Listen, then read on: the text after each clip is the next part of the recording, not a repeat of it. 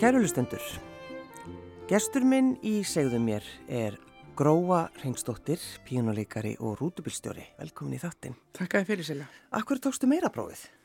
Ég, það var bara eins og stundum, þá stendum ára krosskotum og ég var búin að missa vinnuna sem organisti hérna í Reykjavík, var að leita mér að framtíastarfi og var búin að vera svona með hálgjara bíladellu, alla, alla æveila, ólst upp í rútunni hjá Ava og langaði til þess að prófa þetta, að kera stóra bíla og hérna dref mér meira prófið 2013. Er rútaðin hérna fyrir utan? Já, já, hún er hérna út á bílaplani. já, gróð er mætt. já, en að þú ta talar um einmitt afaðinn, mm. uh, skipstjóri og rútubilstjóri. Já, það var það tvent sem hann gerði og ég fór nú reyndar aldrei á sjó með honum en ég fór ofnir á Bryggja að taka múti fiski. Já. En hérna... Hvar, hvar, hvar var þetta? Í Keflavík. Í Keflavík, já. já. Afi var fættur út á, út á, á Snæfisnesi, út á Önduröndisi, eða, já, og hérna fluttið til Keflavíkur eins og margir að leita sér að vinnu og átti báta en svo inn á milli að þá, að því hann var með réttindi til þess, þá var hann að keira rúturna og var forstjóri fyrir rútufyrirtækið í svolítinn tíma. Já. Og keira til Keflavíkur og, Já, hann keiri, og... ég, ég náttúrulega var ekkert í rútu með honum til Reykjavíkur eða sluðis en hann keirði svo mikið upp á völd mm. og þá fikk litla stelpann stundum að fara með. Já. Og þegar maður fær einhvern veginn svona þú veist, maður bara er lítill og, og situr í rútinu og hugsa á þetta er frábært. En að sko, að þú losnaður ekki við það heldur bara búin að geima það og svo hugsaður nú tekið bara próf Nefnilega sko, þegar ég kem upp í rútu fyrst til að keira að þá bara hellist yfir með þessa minning sko. Já að þegar ég satt fram í rútunni að afa bara hoppaslega spennt. Og fannst þér sko þegar þú ákvæmst að taka meira prófið var fólkið tissa á því gróa? Eða bara, var allar að býða eftir þessu? Nei, ég held að ekki margir hafi gert sig grein fyrir að þessi áhugi var hjá mér sko mm. því að eins og þú segir, hann var eitthvað starf inn í en, hérna, en eitthvað var ég að gera til þess að abla tekna. Það er ekkit auðvelt að lifa á Íslandi þannig að þetta var einn leiðin og eitt áhugaðsvið, ég hafði svo sem fleiri áhugaðsvið en þarna var ég orðin of gömul til þess að fara á skipta fara að læra hárgræslu eða eitthvað. En að því við tölum aðeins um, um, um bíladælluna þegar allir voru sopnaðir þá lætist þú tókst liklana og þú máttu að tala um þetta núna Já, nú er ég orðin svo gömul. Pappi fyrirgifið mér örgla en hérna, já, það var þannig sko ég komst upp á lag með að keira það var meiri sé að fyrirvændi lauruglumæður sem sem að hérna let mig keira í fyrsta skipti. Pappi kendi mér ekki að keira sko. Nei. en þessi maður, hann hérna setti myndast í hann prófaði nú að keira bílinn fyrir mig. Já, ok. Já, þú þarft ekki að segja mér það þú hafði aldrei keirt á þér. Og eftir, eftir þetta þá stalst ég á kvöldin þegar pappi að fann að sofa þreyttur maðurinn þá vissi ég hvað hann gemdi liklana bílum og fór og, og kerði einn eða tvo rúnda bara, bara, og hvað, í sjóppunum þá eða hvað? Nei, nei, kerði bara svona rúndum um njarvíkurnar Já, enginn kýrt svo uppi það að hún gróa, stela bílnum. Það var þá. Já. En hvernig var að alast, alast upp í njarvík? Sko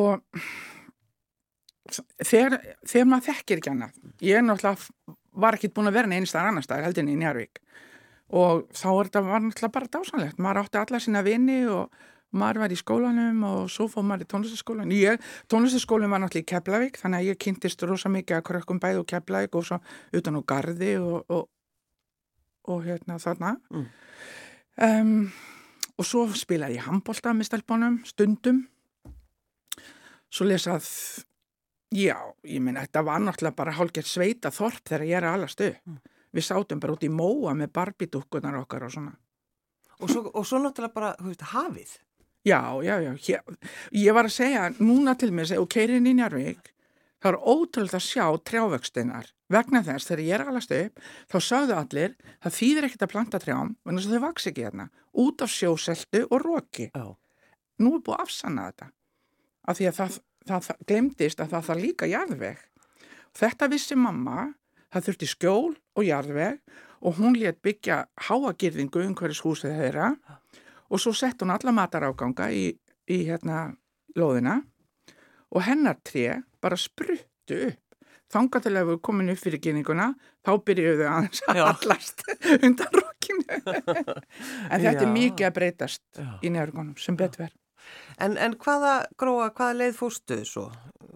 Hvað, ég, hvað langaði þið að verða?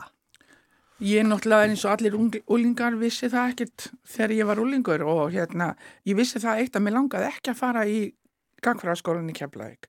Það var bara eins og þetta annan bekkur í njárugonu mm.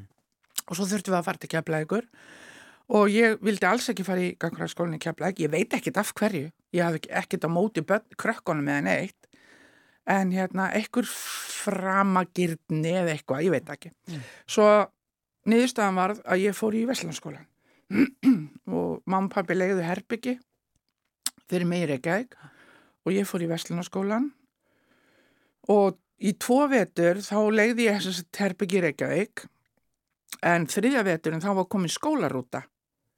Og þá bjóð ég bara heima og fór með rútinni í bæin þetta var veturinn 72-73 nema ég hafði alltaf mikið að gera í að spila því ég var í tónlistaskólanum í Keflavík að læra á píano hjá Ragnari Bjössinni. Og vinir mínir í kringum tónlistina voru alltaf að skaffa mér eitthvað að gera og eitthvað. Og einu tímapunkti þá bara uppgöndaði það að ég var komin svo langt á eftir í skólanum að út af því að ég hafði svo mikið tónlistaverkefnum mm. að ég sagði bara mamma og pappa, veit ég það? Þessi skóli er bara ekkert að sinna mér eins og ég vil og ég bara ég vil bara snúa mér á tónlistinni. Já, þá gerum við það bara Nú var aldrei, þau, þau reyndi ekkert að breyta Nei, þessu? Nei, múta mér, nei, nei, nei. nei, nei. Áraði nú skólaðinn. Kefti bara flíil handa mér og, og til þess að ég færi að æfa mig. Nei, jú þau gerði það, þau kefti flíil sko. Já.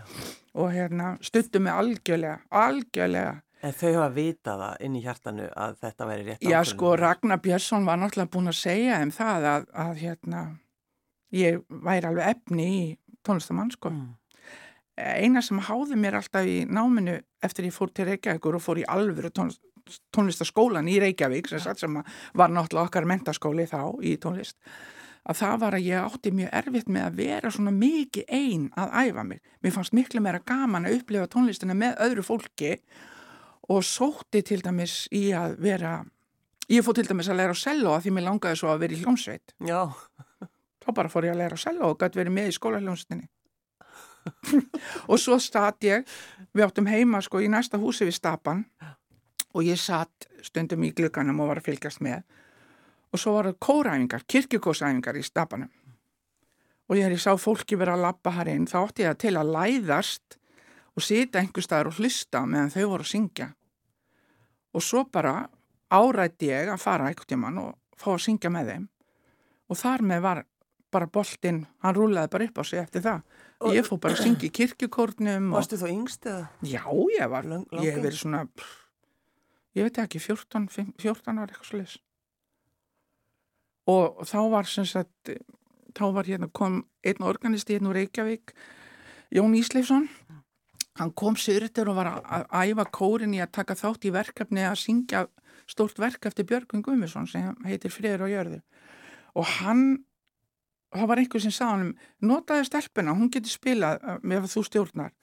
Og ég settist í piano og fór að spila með þeim þegar ég voru að æfa þetta stykki og hann bara leitt svona á mig og sagði, heyrðu, byttu nú við sko. Og hérna, þú þurft að læra bara orgel og, og eitthvað svona sem var til þess að ég fór hérna tvo vetur í tónskóla þjóðkirkunar með hínu náminni sko mm. Vestlandaskólanum og pianónu og allir og hérna uppliði það hérna 14-15 ára að vera undileikari hjá stórum kór og fara í tónleikaferðum landið og eilstaði og agureri og ég veit ekki hvað Og varst aldrei sko eitthvað óörug eða hugsaði að ég er alltaf ungi í þetta, hvað er ég að gera? Nei, nei, nei, nei, nei, ég var ekkit óung þá en eftir ég fullorðnast þá sagði ég, guðminn, alváttu, hvað voru menn að hugsa? Þetta 14 ára krakka, en einsöngvararni, það hófum með þessi einsöngvarar sko, Já. þau voru búið ána með þetta. Þannig að sko, þetta er líka svolítið þannig gróð að þú veist, þegar fólk reynir að fara að gera eitthvað annað heldur en bara hjarta að segja þig hvað já, að já, gera, eins og þú, þú veist, reynir að fara í Vestlunarskólan? Einmitt. En svo kom reyndar í ljós að ég hef mjög gaman af tölum. Það var einhvern veginn, úst, allar starfræðabækuna mína voru allar sko, eins og skrautur þetta, það var í allanverna litum og allt sko. Tölur og bókald var eitthvað sem að, en önnur þög, svona, þau töfðu mér mm, svolítið. Já, já, já. sko, þú hefur náttúrulega verið organisti í mörg ára það ekki?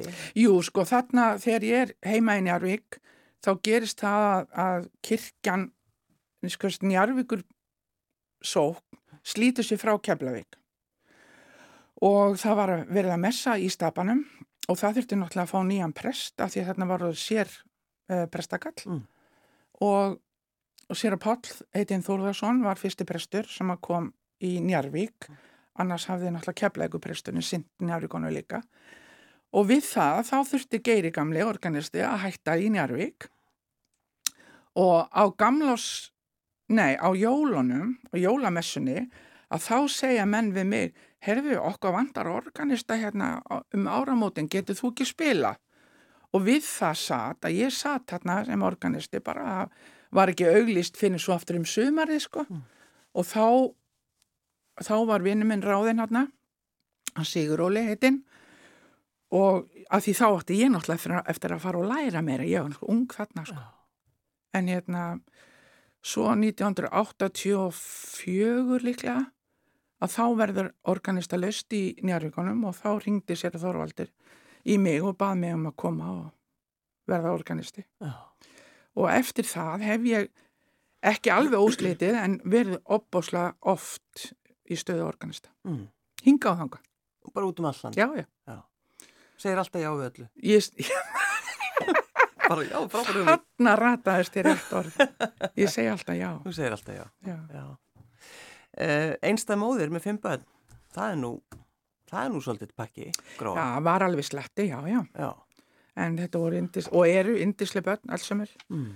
Hjálpuðu mér mikið, hjálpuðu eldri strákarnir, hjálpuðu með mér yngur bönnin. Fjóri strákar og einn stelpa. Já. Og hún yngst. Og hérna, en þetta var pakki og maður þurfti svo sem að vinna til þess að hafa efnaði að, að reyka heimili fyrir fimm börn. Mm. En var, sko var þetta einhvern tíma sko bara of erfitt gróa fyrir þig? Nei. Fórstu gegnum einhvern, eitthvað svoleiðist? Nei, nei. Bara aldrei? Nei. Að ég væri eins og að gefast upp? Mm. Nei. Ég bara spýtt í lóna og fekk mig veri, meiri vinnu eða eitthvað. Ég veit að það reyndi á þau.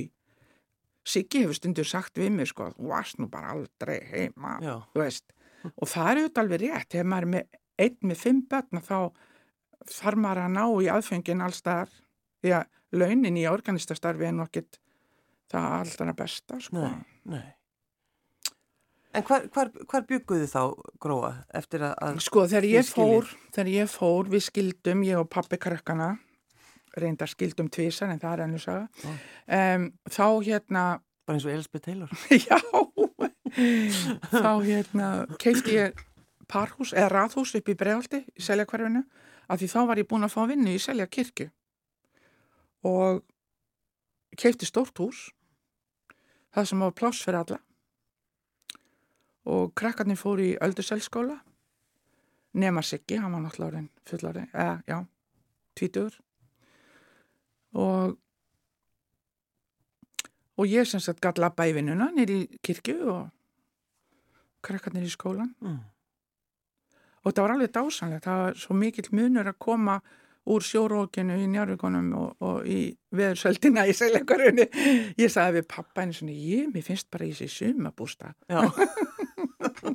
og svo kannski saknar þess líka að fá ekki rókistundum í andliti Nei, nei, nei, nei. róksinn saknar ég ekki nei, já, já. Eh, af þessum fimm börnum gróa hreinstóttir þá er, uh, er tónlist væntanlega í, í einhverjum partiði Sko það eru tónlistargeni í þeim öllum og þau fengu öll að prófa í, sem sagt, einhver hljóðfari, öll sem öll. Um, en tveir af þeim hafa blómstræði gegnum tónlistina. Hinn hafa valið sér annan farveg, kannski vegna þess að, að þessi tveir eru svona stjörnur og þau ætla ekki að reyna að keppa við þá. en þau hafa öll indi af tónlist, algjörlega indi og, og hérna já, finnst gaman að syngja og þau spila smávegis á einhver ljóðfæri, gítar og piano og svona mm. En, en þau hafa náttúrulega tónlistina frá báðum öngum, vegna þess að pappið þeirra hafði alveg opbáslega fallega sönguröld alveg rosalega fallega og var alveg um setin að syngja við alls konar aðdafnir og svona. Hafði hérna fallega mjúka tenor sko Já. og kunni urmul af bæði lögum og textum sko, var alltaf tilbúin Þannig að uppeldið eh, og bara þeirra æska er bara, það er tónlist. Já, það er bara tónlist sko og strákanir hafa nú stundum talað um það í einhverjum viðtölum að, að þeir hafi lært sem sagt Villa Vill og, og, og Elli og allt þetta með því að spila plöturnar heimi hjá ömmu og afa sko Mm, já. Og við erum að tala um Sigga Guðmunds og, og Gumma, Já. Gumma bróður Já, gummi bróð Já, og það er svona bara, e, e, já, það er náttúrulega vita allir, þekkja þá allir. En Gróa, þegar þú um, fer til Noregs, akkur fórstu til, til Noregs? ég hafði lengi haft hann draum að pröfa að búa í útlöndum. Og á yngri árum þá langaði mér rosalega í framhalsnám til útlanda. En ég lagði aldrei í það að fara. Ég sá ekki ég sá ekki fram á að ég ein með börn myndi geta plumma mig En minna, það er líka erfitt, eflaust. Það hlýtur að vera já, það. En maður hefur vera bakland. já Já. Þannig að sádraumur var aldrei að veruleika en aftur á móti fór ég og sótti svolítið af rástefnum og námskeiðum. Þá gæti ég farið bara einn og börnin bara í pössun. Og það er ómetanlegt að geta farið á svona kórarástefnir og alls konar svona fínir í. Og hérna, svo þegar ég var orðin atvinnulegs, þegar var búið að reka með nokkur sinnum, Þú var að reka þig sem organista? já, ég var rekin, ég var. Já. Já. Hvað varstu með ykkur uppsteitt? Já, hlýtur að vera, Eh, hlýtur að, það hlýtur að vera einhver ástæða, ég fekk bara aldrei að vita hana. Nei. Já, já. Þá tölum við ekki meira um það. nei. Já, þá búið að reka þig. Já, þannig að- og, og þá er ég sko, ég var nú að, svona reyna mjög við ímislegt hérna í Reykjavík, ég var að leysa af sem organisti og ég var með nýju kóra og, og eitthvað að reyna svona að kroppa í en á einum tímapunkti að þá var ég alveg orðin atvinnlaus og hafði enga fasta vinnu, ég var alltaf ykkur svona reddingum Mhm. og áttaði mig á því mörgum mánuðum eftir ég misti vinnuna, ég ávist rétt á ykkur um atvinnleysbótum. Já, ég, ég sko aldrei kvarla að mér að leita í samfélagspottin, Nei, nei. ég ætlaði bara að redda mér, sko, ég bara á nefanum Bara eins og þú ég hefur það. alltaf gert. Já, já, já, Já. og svo fer ég eitthvað að tala við þau hérna hjá, já, ertu búin að vera atvinnlega svona lengi? Já, og hvað hefur þú gert? Ég, ég hef bara reynd að gera eitthvað. Já, þú far ekki bætur aftur í tíma, nú, já, já, en get ég fengið það frá núna? Já, já. Og svo kom í ljós og þau aðstóðuðu mann líka við að finna eitthvað nýjan farveg Mhm. Og ég tók námskeið í skrifstofuskólanum, próment, hafði voða gaman að því, en svo gæti ég líka farið í, í hérna, meiraprófið og það rættist gamli draumurinn, sko. Þar kom meira prófið aftur. Svo, en ég saknaði þess að vera ekki í organistastarfi. Já. Ég saknaði þess að vera ekki í kirkju, ég saknaði þess að vera ekki að miðla tónlist til fullta fólki Mm.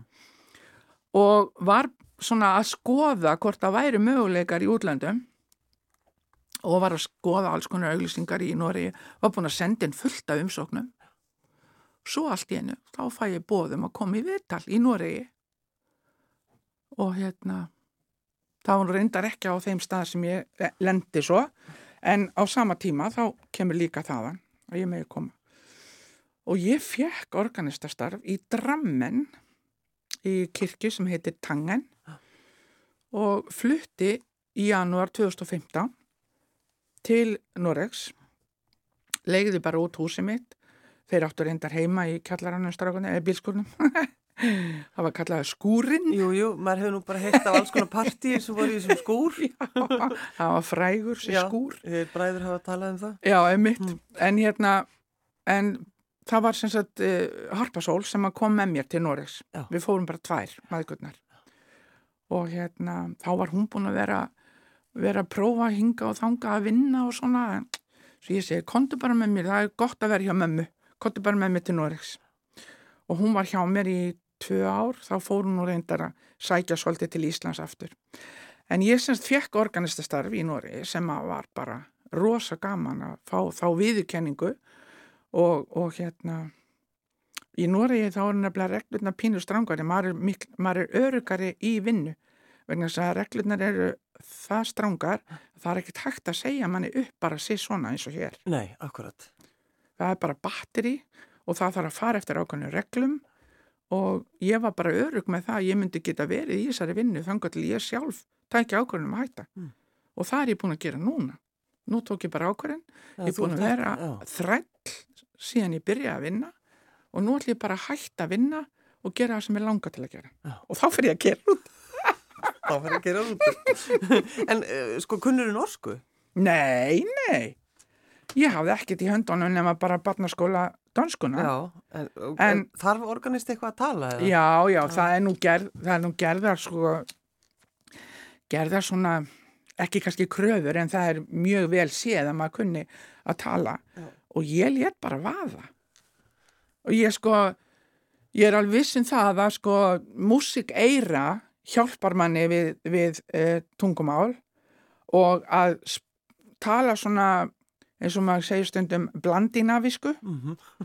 um, að, þá hérna þá bara komst ég mjög fljótt upp að læja með að tala norsku og það er skónd alveg á mig hvað, hefur þú verið í Nóri áður? Já. Já, bara aðeins kom ég heimsók En hvernig var lífið þá í drammen gróa?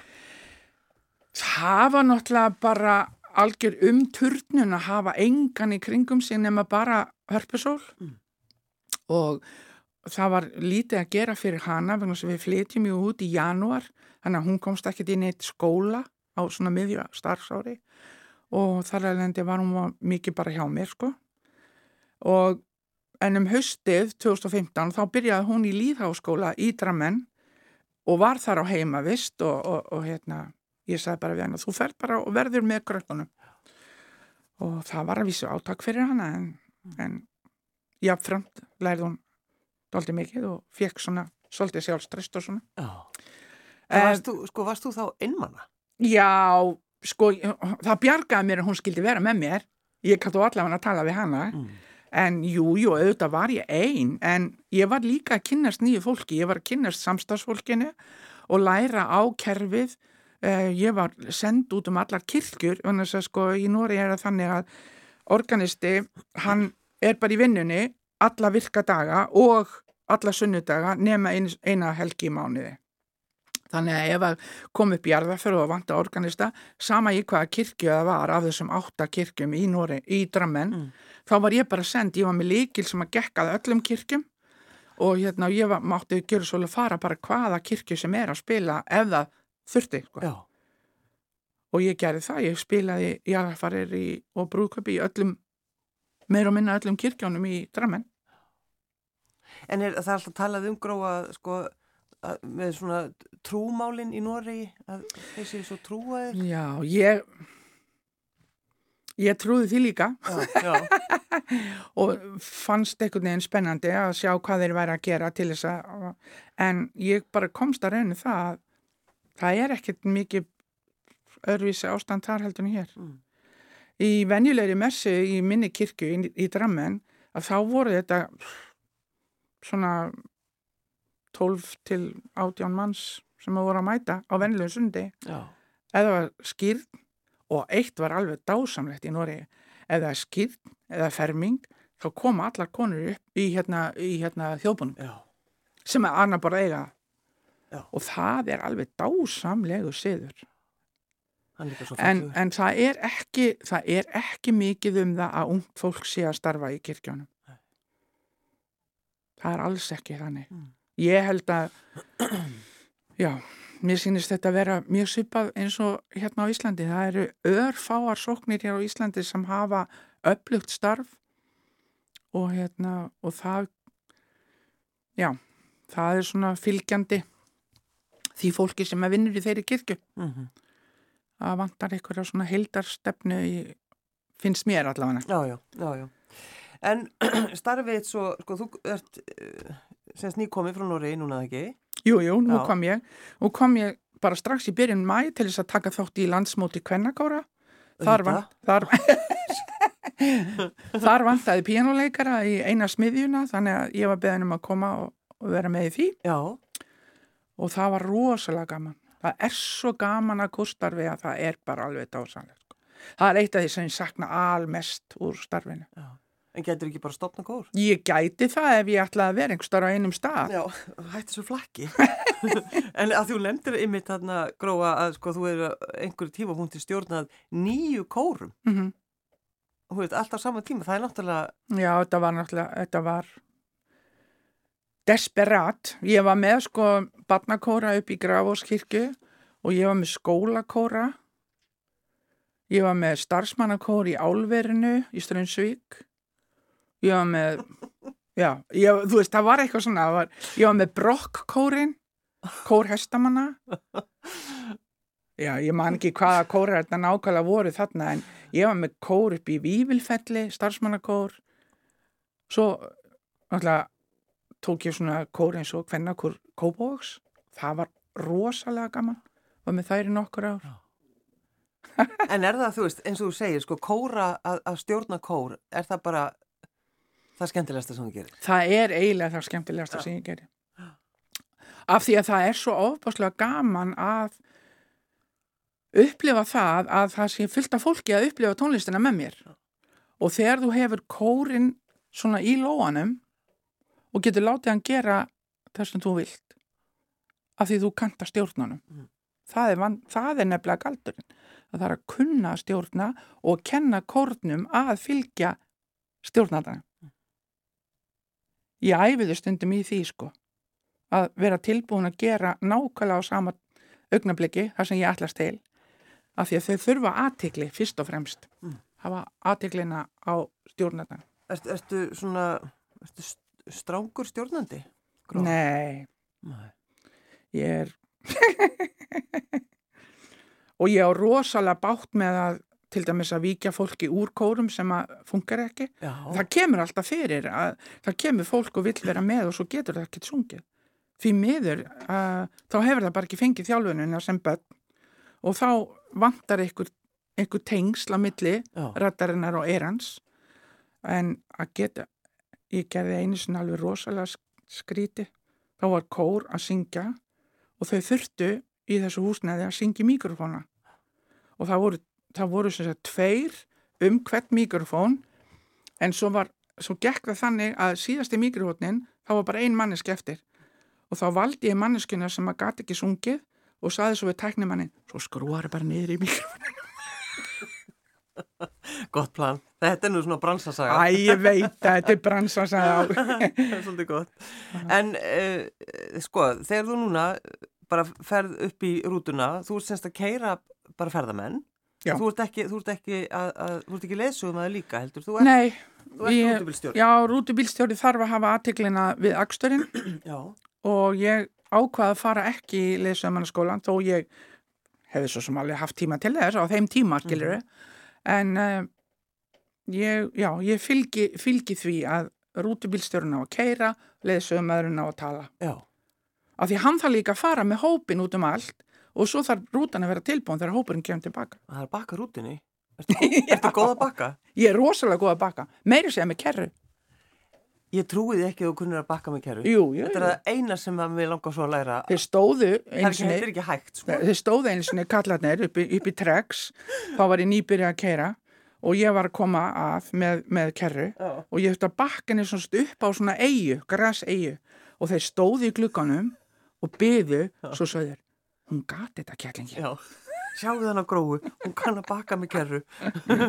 en það sem að þú gerir samt, uh, rúndumplistjórin, að þegar þið stoppið í kirkjum og svona, þá stekkur þú út úr rútunni, hleypur, hleypur inn í kirkjuna mm -hmm. og sest við orgalið eða píano. Já, ég gerir þetta gertnan, sko. Ég má bara ekki hljóðfæri sjá, hljómbarsljóðfæri. Já.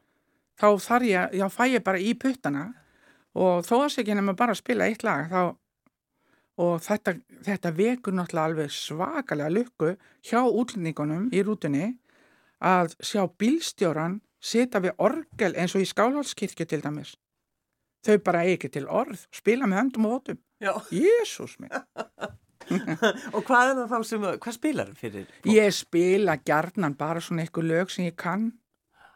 Ég gerir það. Ég, ég er ekki koncertorganisti sem spila bakk og, og, og, og bústi húða, sko. Nei, nei. Nei, nei, nei, nei. Og ég, ég já, ég, mér hef aldrei langað að vera það. Ég, ég get ekki verið þessi einmanna hljóðfærarleikari sem situr og æfi sig 8 klukkutíma á dag. Ég verði að deila með fólki. Já. Ég, til dæmis, eitt alvinsalasta sem ég spila er orðin mín. Já. Sest og spila það út á sviður. Já. Létt þýða það með þessi á norsku, þannig að við syngjum það út í Noregi með þessi. Já, það? Já, já. já. Ómar vinnu myndi Eriksson, hann bjóti norskan texta við þetta. Já. En gætur þú hugsaði gróða sko, að fara eitthvað að vinna með strákunniðinum, Sigga og, og Gumma? hefur Siggi eitthvað ég... talað það við Já, það hefur aðeins verið nefnt að hérna allavega Siggi hefur gert það, hann hefur svona kannski ef við ættum að prófa að gera eitthvað smá saman Já. Og ég bara býð eftir því að, að hérna, það verði tími til þess það er náttúrulega brjálega að gera hjá þeim báðum Guðmundi og honum Já. svo hef ég stundum svona sagt svona í gríni þegar að Valdimar er með tónleika og fær pappasinn til að syngja já, sumir fóreldrar fá náttúrulega að vera með já. sko aðeins hannig, bara minna á það já. en ætlar þú sko, því þú náttúrulega býrð í eh, Norri í gróa en, en eh, ætlar að koma heim eða hvað ætlar að gera? Sko ég hef alltaf sagt að ég ætla að búa í Norri á meðan að ég þarf ekki að koma heilsunar vegna eða annað tilbaka vegna þess að bæði það að mér finnst sko norska kerfið fer betur með fólk og sérstaklega eldri borgara. Mm. Nú er ég komin á þann plattform Já. og ég má vinna þó ég sé komin á eftirlaun.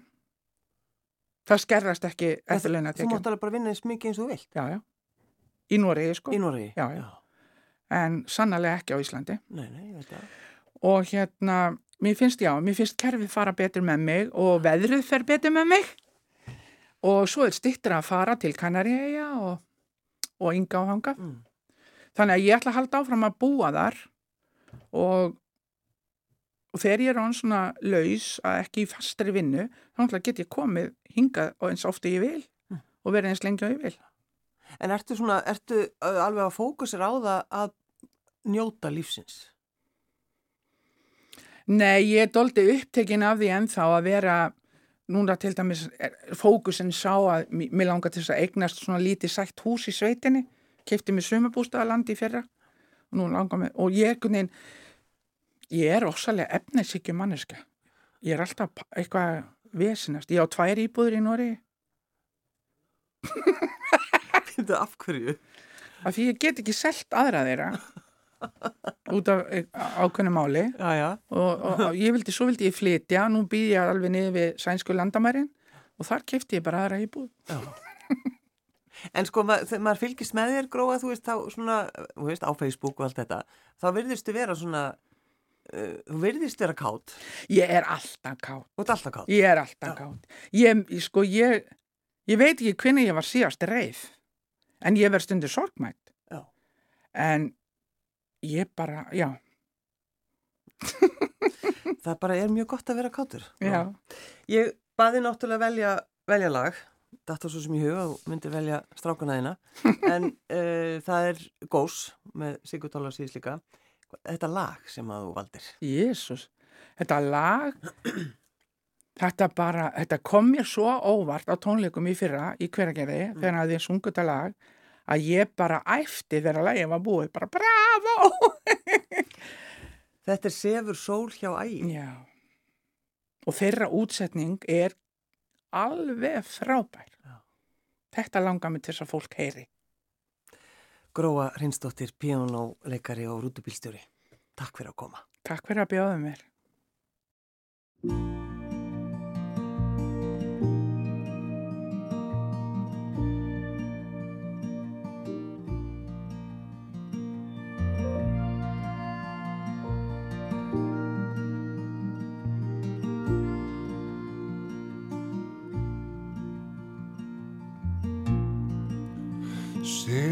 sól hjá ægi sígur höf gefir brá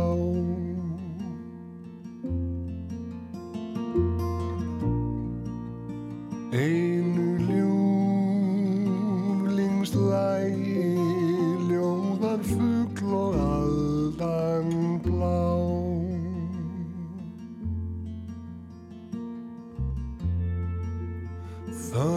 no